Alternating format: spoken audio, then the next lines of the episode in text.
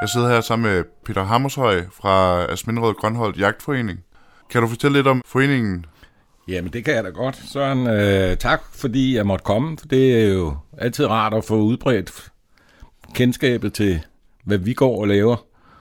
Og øh, Asminderød Grønholdt Jagtforening er jo en rigtig gammel forening. Jeg har faktisk taget den første protokol med, hvor det fremgår, at øh, den blev stiftet i, øh, i øh, Fredensborg Kommune den i 1939 øh, i marts måned af nogle øh, øh, forudseende øh, folk. Altså jagtforeninger i Danmark har altid været sådan mere højstatus og adelsmænd og sådan noget. Men nu øh, på det her tidspunkt begyndte man at, at samle sig i nogle foreninger, og man kunne blive medlem, hvis man var en uberygtet mand, som er grundejer i kommunen.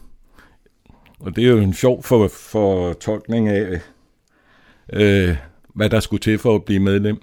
Men siden 1939 har vi altså eksisteret som selvstændig jagtforening i, i Asminderød Grønholdt kommune, som det hed dengang, eller sovn.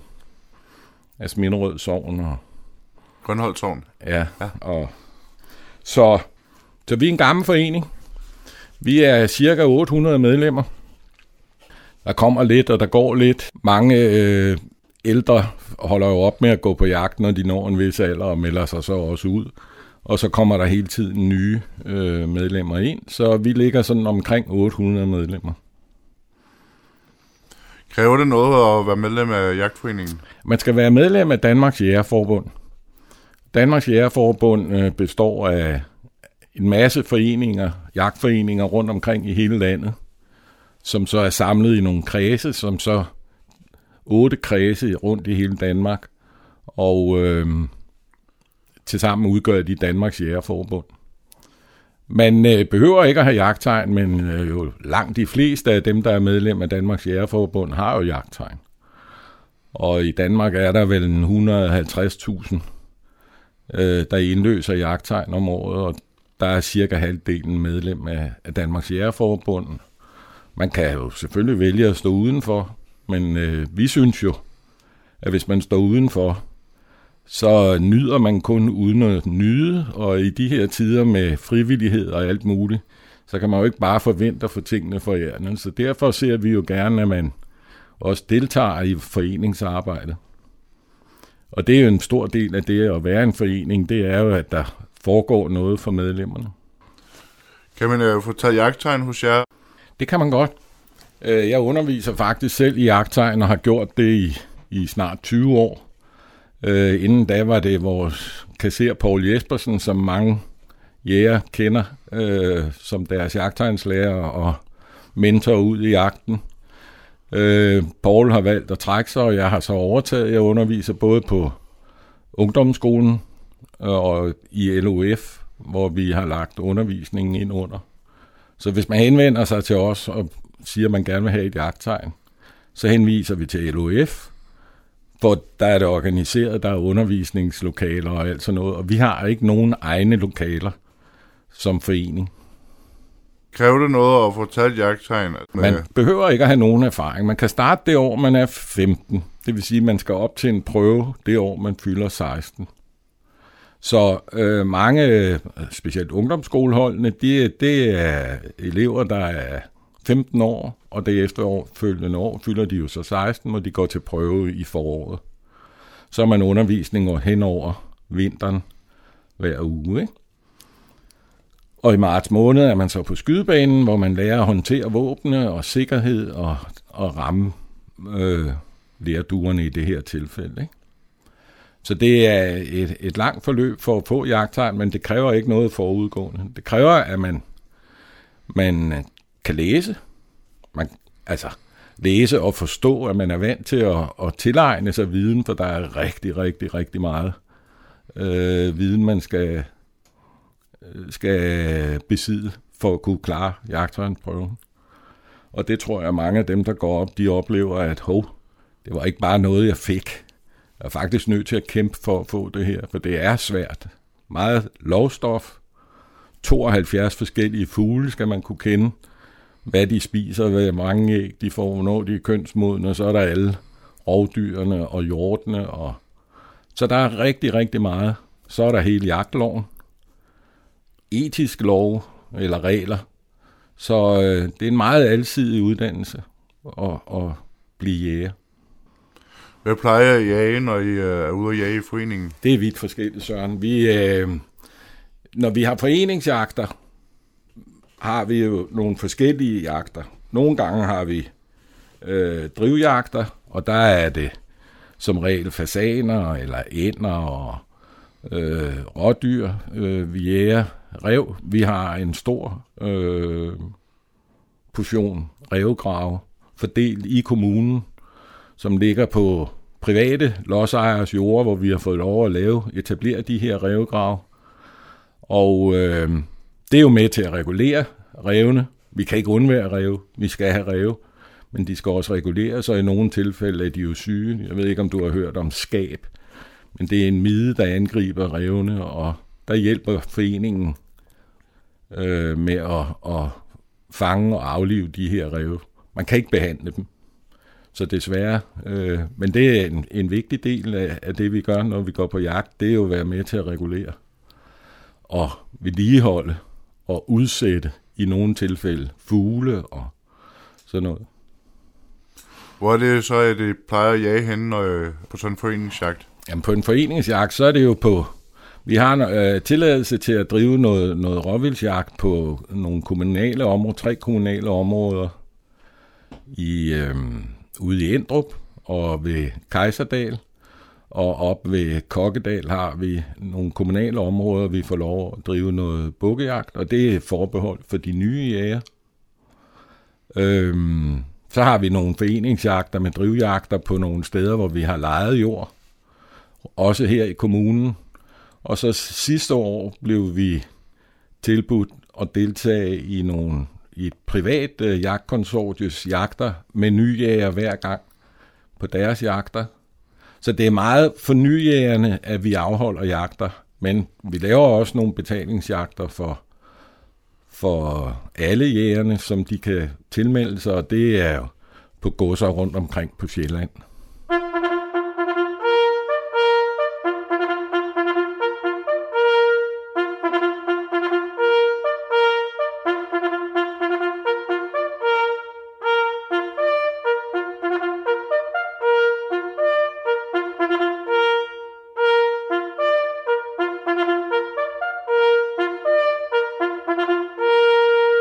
Hvordan plejer en øh, jagt at foregå hos jer? Sådan en foreningsjagt? Jamen, så mødes vi jo. Øh, nu har vi jo lige haft en periode med corona, så der har vi jo været noget, noget hæmmet, men det har alt jo i landet. Så, men vi mødes typisk om morgenen og spiser noget morgenmad sammen og får en kop kaffe. Så bliver der afholdt det, der hedder en parole, og det er simpelthen, hvor jagtlederen øh, fortæller, hvad vi skal jage, hvordan vi skal jage, hvor vi skal jage, og hvordan man skal opføre sig. Så det er sådan en løftet pegefinger og en opfordring til at, at gøre sit bedste ud i, i jægerhåndværket. Ikke? Så fordeler man sig øh, på, på jagten, og så bliver der enten drevet, eller man sidder og venter, eller det er meget forskelligt alt efter, hvad der er. Typisk har vi så omkring ved et totiden, øh, specielt hvis det har været vores revjagter, som er meget traditionsrig, øh, så spiser vi øh, gule ærter og, og flæsk, og det foregår ude på, på præstegården. Den her revjagt, øh, den starter lidt anderledes end de andre, for den starter med en, en gudstjeneste, hvor, hvor Jon, vores præst, holder en jagtgudstjeneste. Han er selv jæger, så han ved jo, hvad det drejer sig om, og det sætter lidt stemning. Så er der parole, så jager vi. Samtidig skyder vi slet ikke noget. Måske ser vi ikke engang noget, men, men det er heller ikke det vigtigste. Det vigtigste er jo, at vi er sammen og, og har det godt. Og så slutter vi med, med gule ærter ude på Præsgården i Grønholdt. Meget fin dag. Det kunne være en af, af jagtdagene, ikke? Kan man øh, være med på en jagt som observatør? Det kunne man sagtens arrangere, så du skal være velkommen. Jo tak. Hey. Holder I øh, sådan noget øh, skydetræning? Vi øh, har jo sammen med Tikøb Jagtforening, ejer vi øh, Langstrup Flugt Skydningsbane. Altså, når jeg siger vi, så er det jo Sminderød Grønholdt Jagtforening og Tikøb Jagtforening, der ejer den. Øh, den drives af en selvstændig bestyrelse, men der har vi de træningsfaciliteter, vi skal. Det har måske været bekendt, at vi har lige været igennem en retssag øh, på grund af nabo øh, støj, eller ikke støj fra naboer, men naboerne mente, vi støjede. Og det gør vi jo også, fordi det giver jo et knald, men vi bestræber os på at, at øh, være til mindst mulig gene og prøve at forbedre os hele tiden.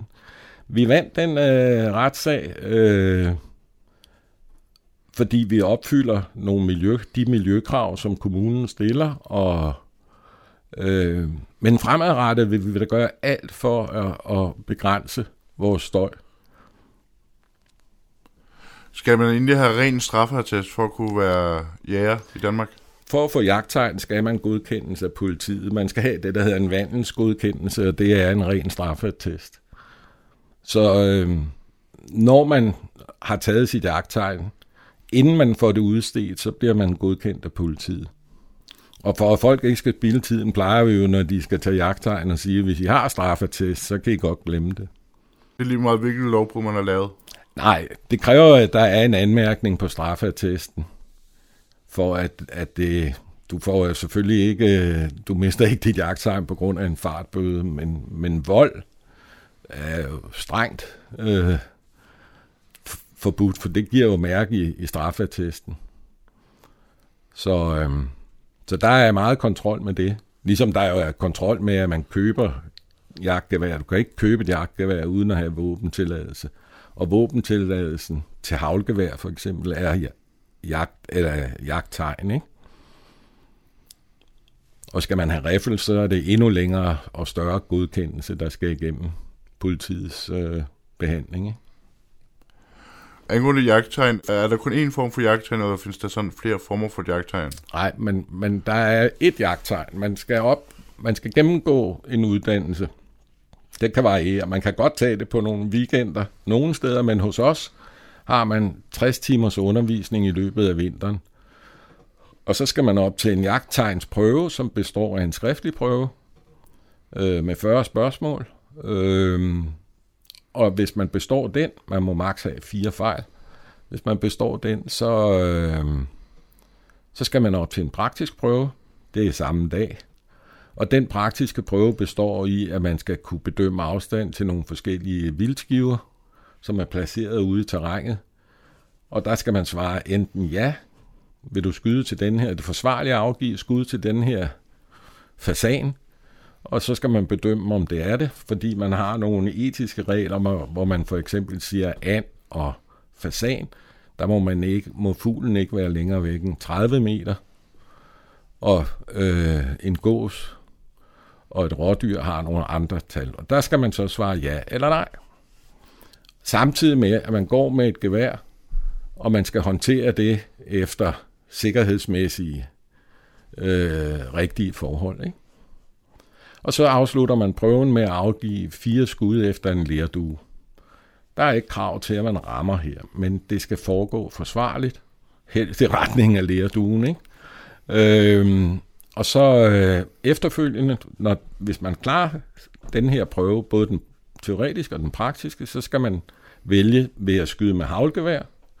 Så skal man op til en havlskydeprøve, hvor man skal øh, træne, og så skal man kunne ramme, og der er simpelthen en autoriseret prøve.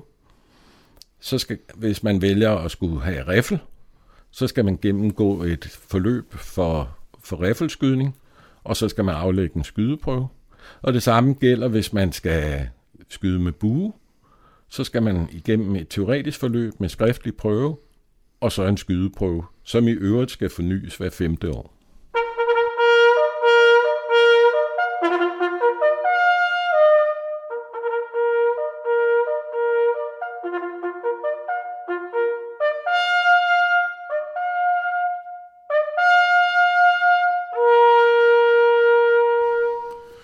Begrænsning på, hvor mange gange man kan tage til prøve jagttegn? Altså, når du øh, er tilmeldt, så kan man øh, gå op tre gange til den skriftlige prøve. Hvis man dumper tre gange, så er det forfra. Så skal man igennem helt forløb igen. Hvis man består, lad os sige, første gang i den teoretiske øh, del, så øh, går man videre til den praktiske, så kan man jo dumpe på, på våbenbetjening eller afstandsbedømmelse. Så har man yderligere to forsøg, det vil sige, at man har tre forsøg inden for hver øh, del. Ikke? Hvis man består den teoretiske, dumper den praktiske, så skal man ikke til den teoretiske igen, så kan man gå op til den næste praktiske prøve. Jeg tænkte også øh, mere på, om jeg kunne blive nægtet at tage jagttegn, hvis man for eksempel havde stået og dumpet enten teoretisk eller praktisk igennem for eksempel 20 gange eller sådan noget. Nej, altså... Øh, det har jeg ikke været ude for. Jeg har været ude for nogen, øh, som har haft svært ved... De har sagtens kunne bestå den teoretiske, men så har de måske haft problemer med at kunne bedømme afstanden. Øh, det har, er der jo nogen, der har, og så må vi jo også sige, der spiller store nerver ind, fordi det er vel inden for alt. Man kan være god til det, og så får man vide, nu er det en prøve, nu er det en eksamen. Så stiger blodtrykket, og nerverne spiller ind, ikke? Så ja, vi har da været ude for nogen, som har været op flere år for at få det, og så, som, så endelig har fået så meget kontrol eller undervisning, så de har kunne beherske sig. Ikke? Men, men som regel så består folk, øh, i hvert fald øh, teorien, øh, anden, første, anden gang, og, og det samme med den praktiske. Det er sjældent, man skal helt ud i. Men det forekommer, og der er nerver. Jeg har haft elever, som øh, har været op til prøven, som har været igennem lang universitetsuddannelse og mange eksamener. Øh, øh og alligevel så siger de, hov, det her, det var altså nærmest noget af det værste, jeg har været op til, fordi det som regel uden for folks comfort zone, hvis ikke de er vokset op med jagt og, og sådan noget, så er det jo helt uden for, hvad man normalt begiver sig ud i, at man pludselig er udstyret med et våben, der faktisk kan dræbe. Og det giver lidt nerver. Hvad må man egentlig jage med af våben i, i Danmark? Man må jage med havlgevær og kaliber 12 16 og 20 af de gængse kaliber, man må jage med, og der må være to skud i, i sådan en havlgevær. Øh, så må man jage med rifler, hvis man har bestået prøven.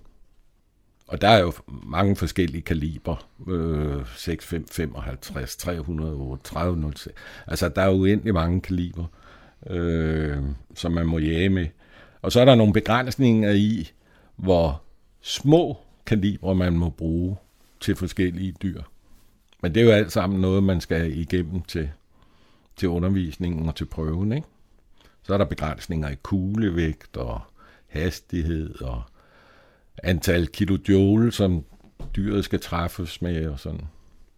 Og så er der altså buen, og der er, er både en lang bue, en compound bue og en recurve bue, og det er forskellige øh, udformninger af buen. Ikke? Og der er også nogle grænser for, hvor, hvor meget øh, anslagsenergien skal være på sådan en pil. Så der er begrænsninger for alle tre våbentyper.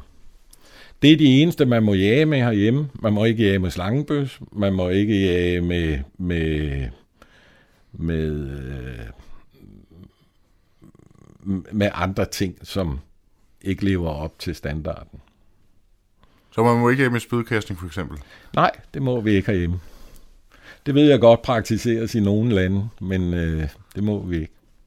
Hvor øh, udbredt er øh, buejagt i øh, jeres forening? Det er meget lille hos os. Øh, vi har nogle enkelte, vi ved, der går på buejagt, og vi har også træningsmuligheder i og med, at vi har etableret en bane ude på, på Langstrup, hvor de kan øve sig. Men på landsplan er det måske et par tusind, der, der dyrker buejagt.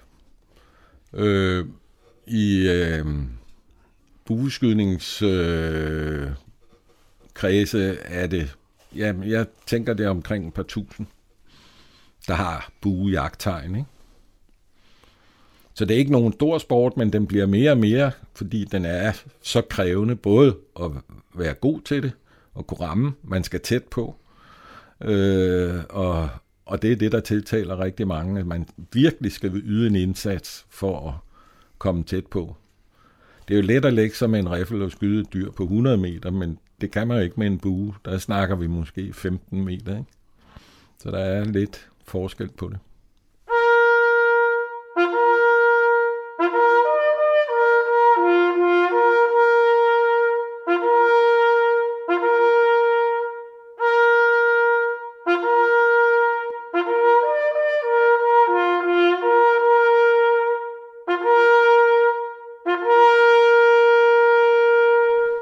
Hvilke former for ammunition bruger I på en jagt? Altså vi, øh, hvis vi snakker havlgevær, så er der for nogle år siden blevet en forbud mod at have blyhavl i, i ammunitionen. Øh, det øh, er jo forståeligt, fordi ingen har jo lyst til at spise bly. Øh, men samtidig har man også øh, indført, øh, at man den skål, eller den forladning, som det hedder, der er i patronen, en plastikting, der samler havlene på vej ud af bøssen, Øhm, at den er bionedbrydelig, så det bliver mere og mere øh, normalt, at man gør det, og på øh, mange jagter kræver man simpelthen i dag, at folk bruger de her bionedbrydelige øh, havleskåle. Det ser jo heller ikke godt ud, at der ligger sådan plastik og, og roder. Og så øh, det seneste er, at vores riffelammunition fra, 19, fra 2023 skal til at være blyfri, så man skal overgå til noget andet kugle, gerne kover og sådan noget, som ikke forurener. Det uheldige er, når man skyder med, med bly øh, patroner, så øh, øh, eksploderer patronen jo til en vis grad og slynger dele af blyet ud, og man kan finde det, hvis man for eksempel har skudt et rådyr, kan man jo i et større område af et rådyr finde bly. Og det er sundhedsmæssigt ikke godt jo. Og når vi står med sådan et godt produkt, som er økologisk, som er ikke stresset, og som har haft gode forhold, mens det er vokset op, så er der jo ingen mening i at gå ud og svine det med bly. Så derfor imødeser jeg det kommende forbud om total blyfri ammunition for velkommen. Eller er der nogle dyr, hvor man kun må jage med bestemt skydevåben? Altså for eksempel, hvor man kun øh, jage hjort med en øh, jagtriffel for eksempel? Af en vis kaliber? Altså vi har jo øh, nogle forskellige hjorte i Danmark. Den største af vores hjorte er kronhjort. Den må kun jages med riffel. Så har vi dårvildt og sikavildt. Det er også kun med riffel.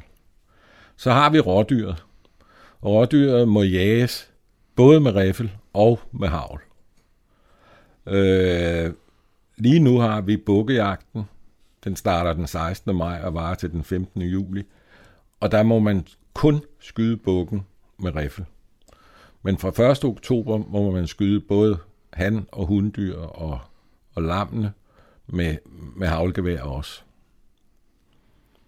Hvor det før i tiden var meget, for det var jo det, folk havde, øh, havlgevær, at, at man jagede meget med, med, råvildt med havl, så bliver det mindre og mindre, man jager med havl, og bliver mere og mere med riffel.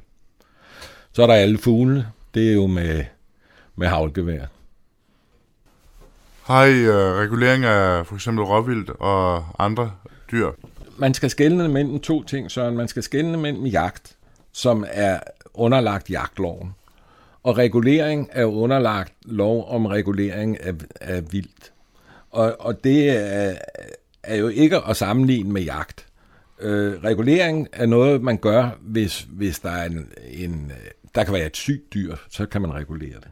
Man kan øh, for eksempel have råger, som larmer øh, meget her, hvor de får unger, og det er jo her i maj måned, at de kommer, hvor de kan være til voldsom gene for beboerne.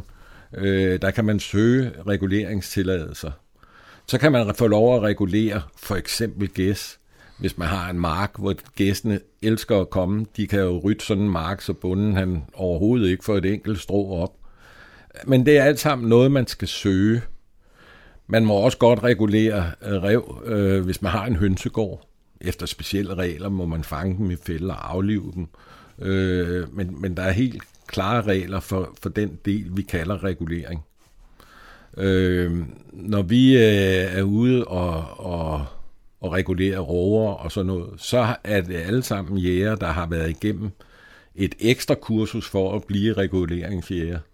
Så de kan legitimere sig over, vi, for eksempel har vi reguleret rover på, på Humlebæk station.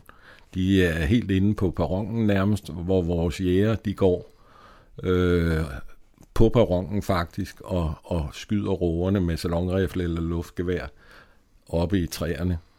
For at, det er ikke for at få et udbytte, bortset fra rover altså smager fantastisk godt, hvad mange nægter at tro på, men det gør de faktisk.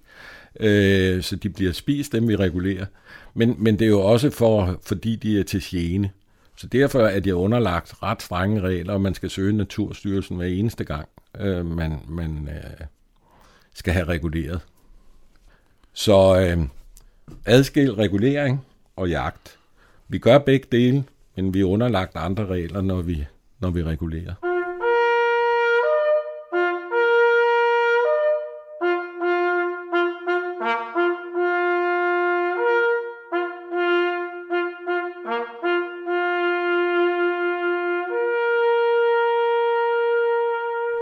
Er der noget, I gør øh, for vildtet?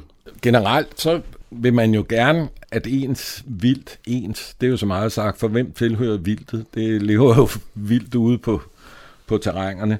Men man vil jo gerne øh, styrke deres muligheder for at overleve, og det gør man jo blandt andet ved at plante. Øh, kalde det biodiversitet, men vi sørger for at, at plante øh, foderbælter, hvor de hvor de bliver til gode set alle øh, dyr. Man kan plante for eksempel fodermarklål og rødkløver og honningurt og sådan noget, som nogle af hjortearterne er glade for. Men et bart stykke jord er noget, som ærehønsene er glade for, for så kan de støvbade og sådan noget. Og det etablerer man med, med glæde alle de steder, vi kan komme til, hvor vi for eksempel har jagten. Øh, vi vil også gerne bidrage til at være med og lave de her øh,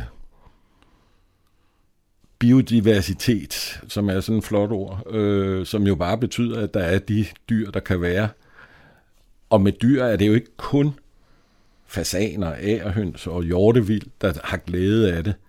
Hvis man går ud på sådan en fodermark og ser, hvad der er af insekter, sommerfugle, det er jo rigtig, rigtig mange dyr, der får glæde af det. Vi, vi høster måske en 4-5 forskellige arter på det, vi sår og, og, og dyrker og fælder og hvad vi ellers gør. Men der er jo hundredvis af arter, som bliver til gode set af det, vi gør, i og med, at der pludselig er basis for et hav af insekter, som gavner alt dyreliv. Ikke? Hvordan øh, fordeles udbyttet, efter jeg har været ude på for eksempel jagt eller ude på en regulering? Altså, øh, som regel, hvis vi tager en ganske almindelig jagt, så er det jo gerne en person, der har, eller et konsortie, der har jagten, og det tilfalder dem. De har haft udgifterne til jagtleje, til fodring og afholdelse af jagterne, så deres udbytte, det er vildt. Det er så forskelligt, hvordan man fordeler det. Når vi holder foreningsjagter, og der i øvrigt bliver skudt noget, så tilfalder det som regel skytten. Øh, og også hvis vi har været ude og reguleret, så er det reguleringsjægerne. De får jo ikke noget for det, men de får det vildt, øh, de, øh, de nedlægger. Ikke? Men, men alt efter hvad jagt man er på, øh, er fordelingsnøglen forskellig. Men som regel tilfælder det jo jagtherren, som vi kalder ham, der har inviteret på jagt. Ikke?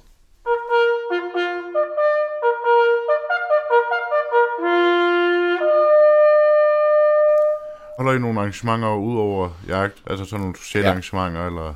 Altså, vi gør meget ud af, at vores jæger har, vores medlemmer har mulighed for at få noget uddannelse. Øh, både lederuddannelse, ledelse af frivillige og viden om, hvad pokker øh, vi går rundt og laver. Samtidig med, at vi også afholder nogle hygiejne og, og vildsundhedskurser. Øh, det er kurser, som afholdes af veterinærer inden fra DTU. Øh, og i nogle tilfælde, så, hvis man vil på jagt i udlandet, er der simpelthen krav om, man har det, det her kursus. Øhm, og det er meget lærerigt. Du lærer alt om, hvad vildsygdommen kan være, hvordan ser en hare ud, hvis leveren øh, bobler op, og der er byller, og det samme med alle de andre øh, dyr, vi, vi jager.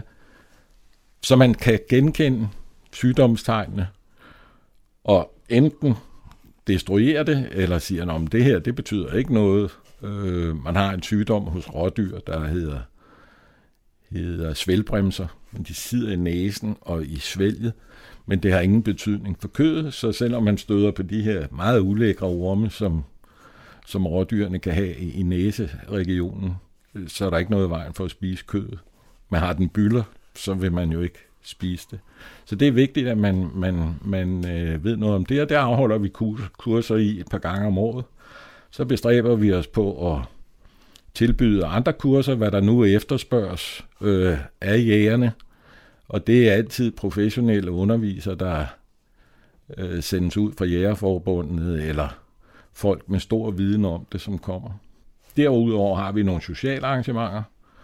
Øh, det, vi har et årligt tilbagevendende bankospil, vildt spil øh, hver efterår i, i november måned, øh, hvor vi plejer at have en, en 100 mennesker til banko. Øh, det er en gammel tradition, og den øh, er, er kærkommen, og, og under coronaen blev vi ringet ned. Hvad kan vi ikke? Og, så, øh, så det fortsætter vi med. Så har vi planer om at, at lave nogle, øh, øh, nogle foreningsaftener, og det kunne være alt fra portvinsmagning, fordi det er også vigtigt, at man laver noget, som... Øh, medlemmerne efterspørger. Og portvinsmagning og madtillavning øh, tillavning af den vild, vi laver, det er vi går jo ikke på jagt for at smide kødet ud. Vi gør det jo for at spise det. Og derfor er sådan noget som vinsmagning, madlavning, tilberedning, hygiejne, alle sådan nogle ting jo vigtige elementer i, i vores foreningsliv. Hvis man godt kunne tænke sig at gå på, for eksempel gå på jagt med jer, eller snuse lidt med til jagt, øh, hvordan kan man så tage kontakt til jer? Hvis man vil have jagttegn, så kan man øh, øh, logge sig på, på øh, LOF Helsingør. De har simpelthen øh, et, en, et kursus hen over vinteren, hvor det er lige for øjeblikket er mig, der underviser. Øh, og det er er simpelthen et, et tilbud, som vi laver gennem LOF. Hvis man vil øh, vide noget om skydning til lærduer, kan man møde op ude på vores skydebane. Og der kan man, øh, vi har åbent tirsdag formiddag, torsdag aften og lørdag formiddag. Og i øvrigt kan man så se inde på, på vores hjemmeside for, for lerduebanen.dk, hvornår der er åbningstider. Øh, vil man øh, vide mere om vores forening, er man meget velkommen til at skrive til os inde på vores hjemmeside, som hedder www.asminderådgrønhold.dk og der kan man så stille de spørgsmål. Vi bestræber os på at komme tilbage så hurtigt som muligt. Og så har vi i øvrigt også en Facebook-side, som hedder Asminrådet Grønhold Jagtforening. Og en gruppe under den, hvor man sådan på, på den officielle øh, har vi alle de meddelelser, vi skal sende ud, og opfordringer og artikler og sådan noget. Og på, på gruppen for Asminrød Grønhold Jagtforening er det mere medlemmerne, der kan lægge billeder af deres trofæer, eller gode idéer, eller spørgsmål. Og sådan, det er mere der, debatten foregår. Og der kan man melde sig på. Og det samme der, hvis der kommer spørgsmål eller nogen undrer sig over noget, så prøver vi at besvare det så hurtigt som muligt. Tak for, at øh, du gad at komme forbi og svare på de spørgsmål, jeg nu havde. Jamen, øh, det var da hyggeligt at møde jer, og dejligt, at vi kunne få lov at, at snakke om det. Og skulle nogen være interesseret, så kan I nå mig via vores hjemmeside eller Facebook. Jeg er, jeg vil ikke sige, at jeg sidder klar, men jeg plejer at, at være hurtig, hvis I er interesseret.